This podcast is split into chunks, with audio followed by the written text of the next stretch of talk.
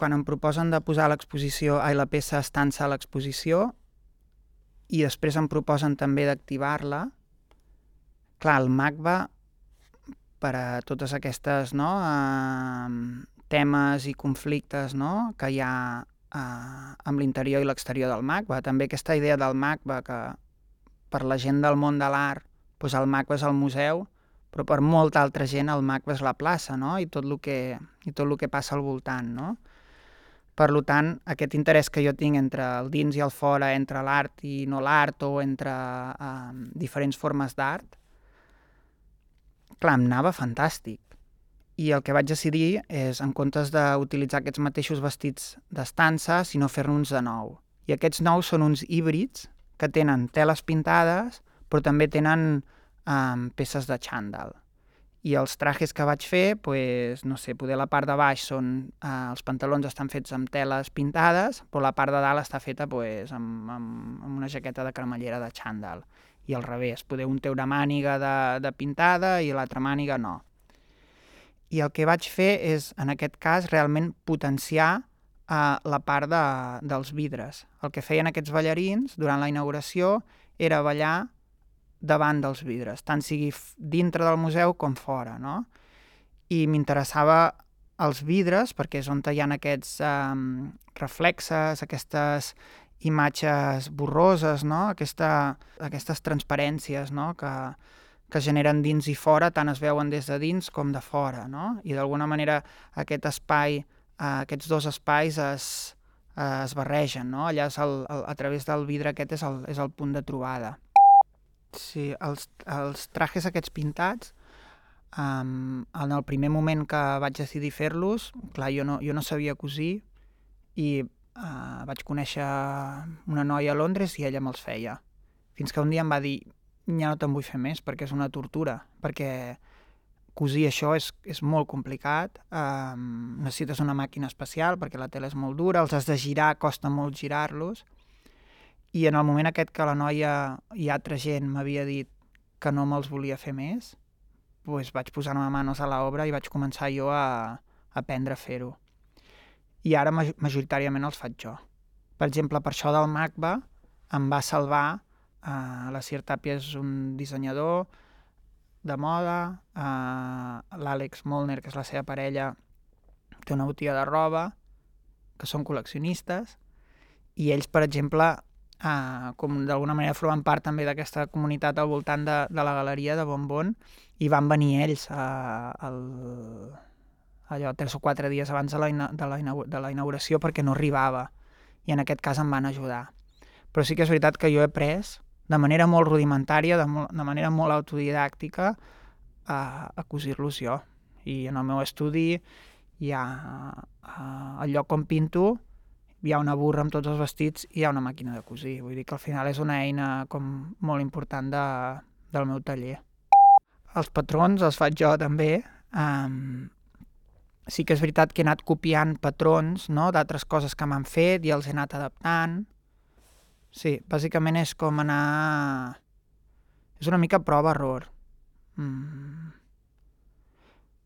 A veure, sí que és veritat que en el moment no sé si passarà mai, però no, si en algun projecte tinc més recursos, doncs també m'agradaria que me'ls fessin, no? Però també té a veure amb això, no? Que al final tampoc puc pagar algú no? a, per fer els vestits. En algun moment sí que puc, però no sempre, no? I al final, doncs, si en aquell moment tinc pressa o no tinc els recursos per fer-ho, per fer sempre ho puc fer-ho jo.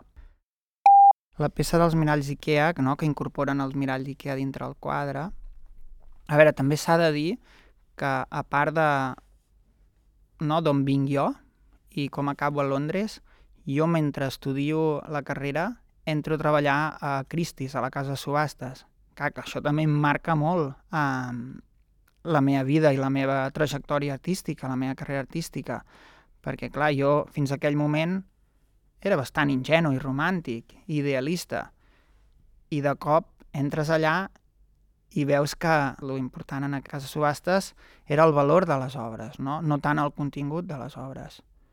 De fet, jo faig una peça, la primera exposició que faig aquí a Barcelona, o de les primeres, es diu Cocktail Show.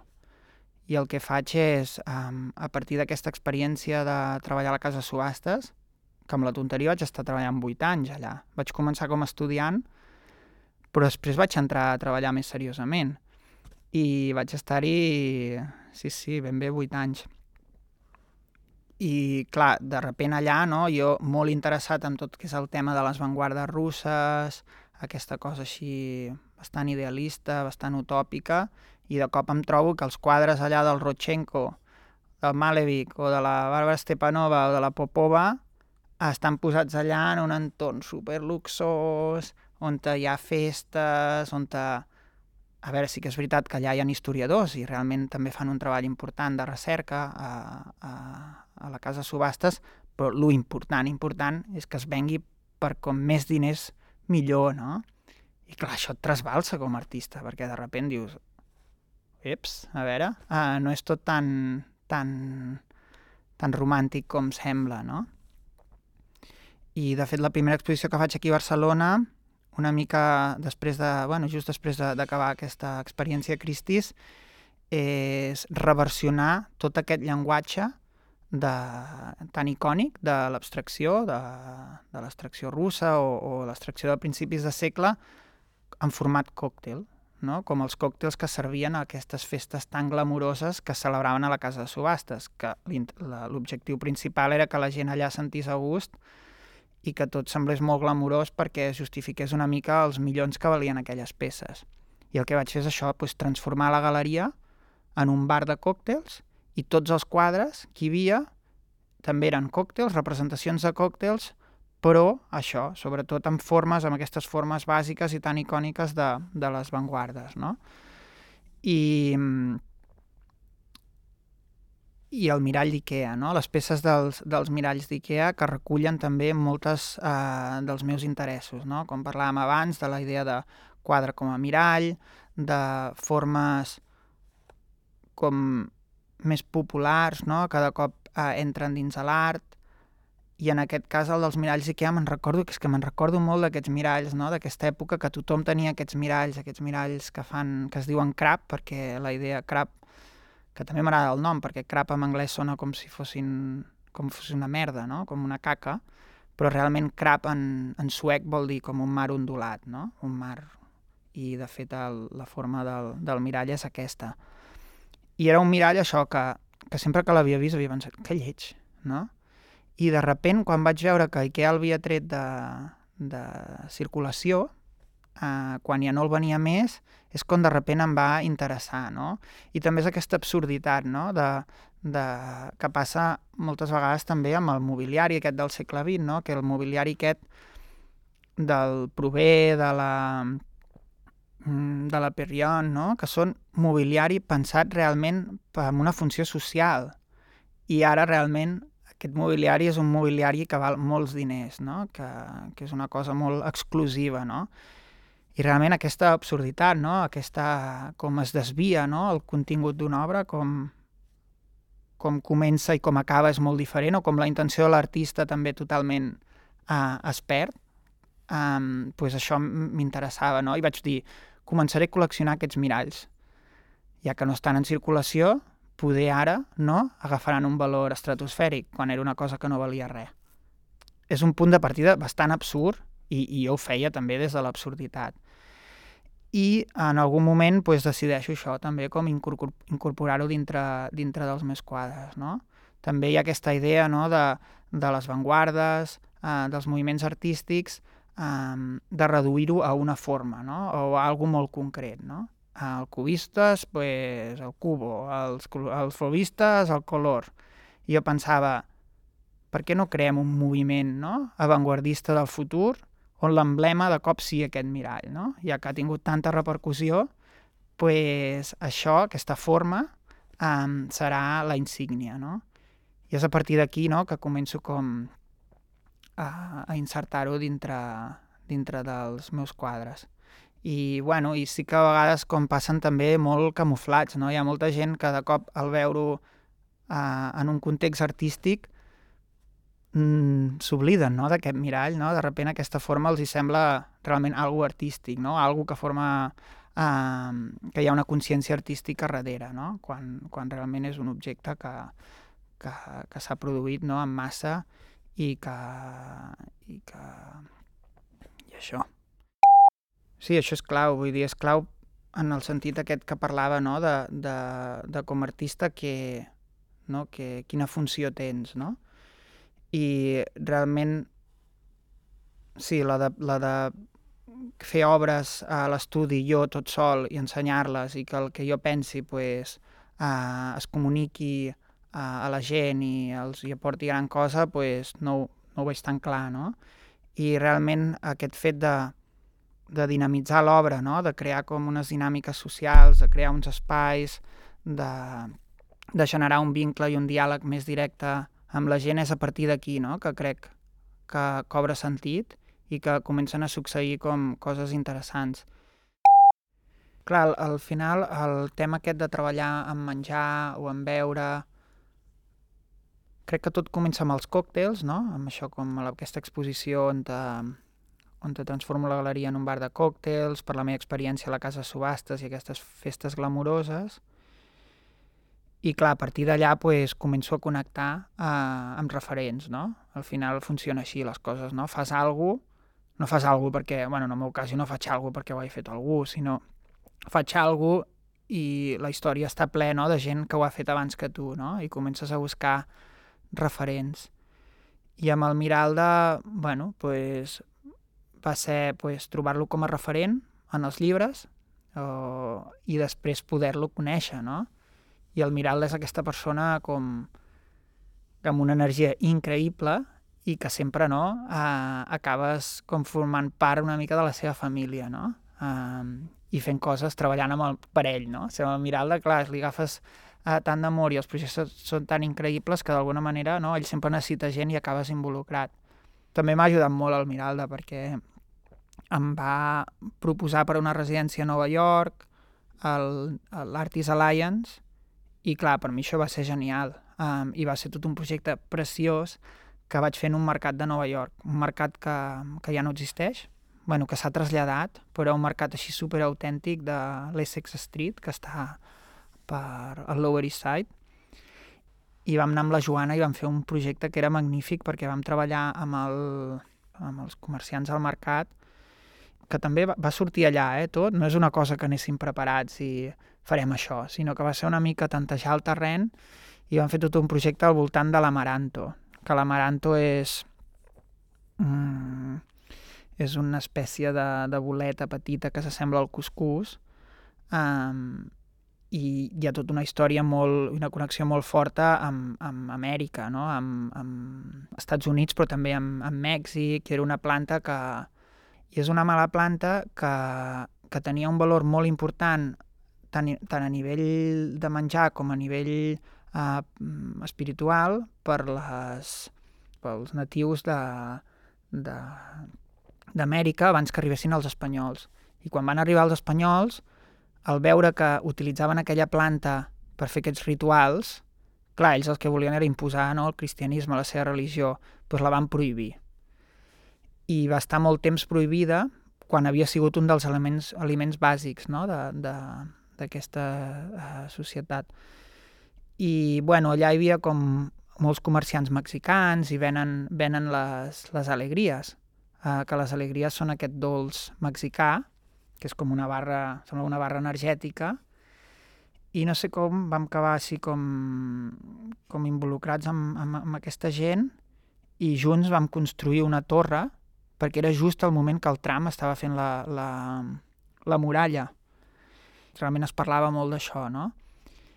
I, I això, no? El, el tram deia, no?, com privava a la gent, no?, la gent nativa d'aquelles terres, no?, d'entrar de, a, a Estats Units. I vam construir una torre, que és la Torre Tram, la Tram Tower, amb, amb Amaranto.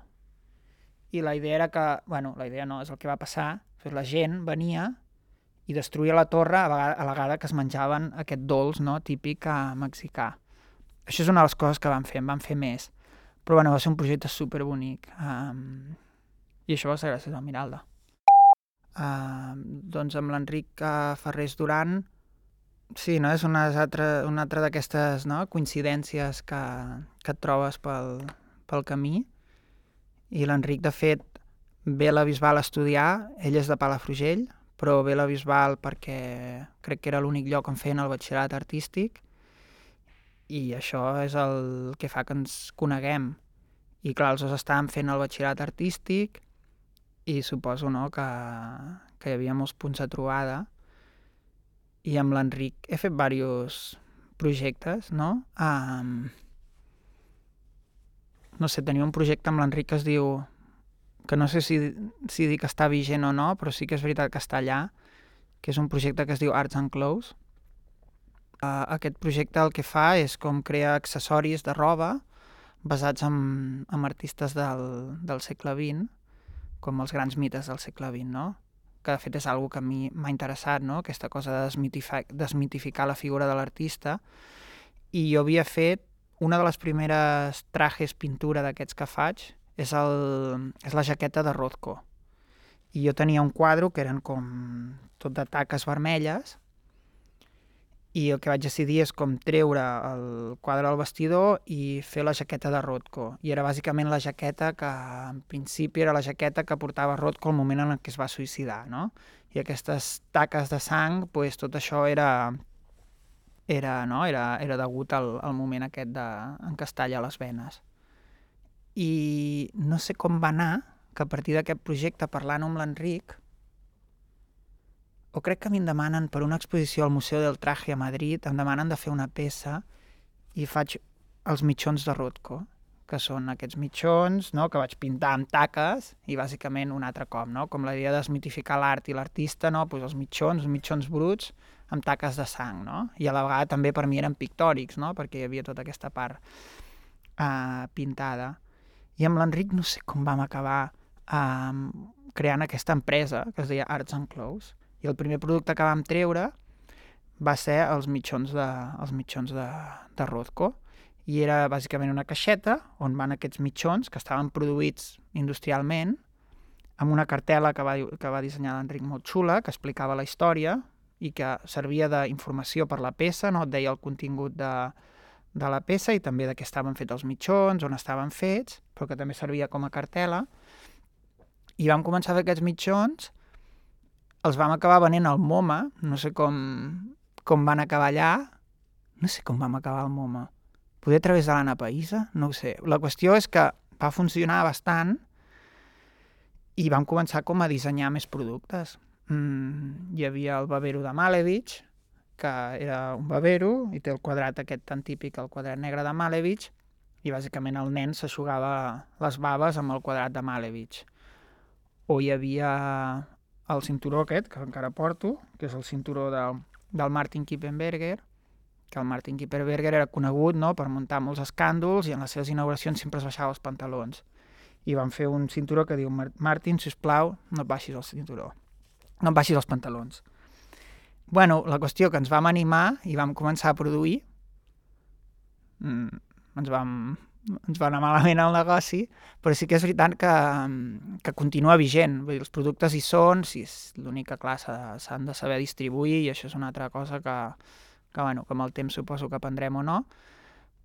Però, bueno, projectes amb aquests l'Enric i, la, i comentar amb l'Enric tant el que fa ell com el que faig jo, vull dir, és algo com super natural per, per, per mi. De fet, per exemple, la parella de l'Enric, que és l'Alba Sant Martí, que l'Alba Sant Martí um, era actriu, bueno, i suposo que encara fa coses d'actriu, uh, ara es dedica més al tema de la, de la dansa. Clar, jo conec a l'Alba a través de l'Enric. I l'Alba, juntament amb l'Alba, um, m'ajuda a fer una pel·lícula que es diu... Um, es diu... Crec que es diu un, un con mitja esfera i un, o un con mitja esfera. No, realment no sé com, no sé com es diu, però és, és té a veure amb el porró, amb aquesta idea del porró, de traslladar el porró, el porró tradicional català, en el context de les avantguardes a Rússia.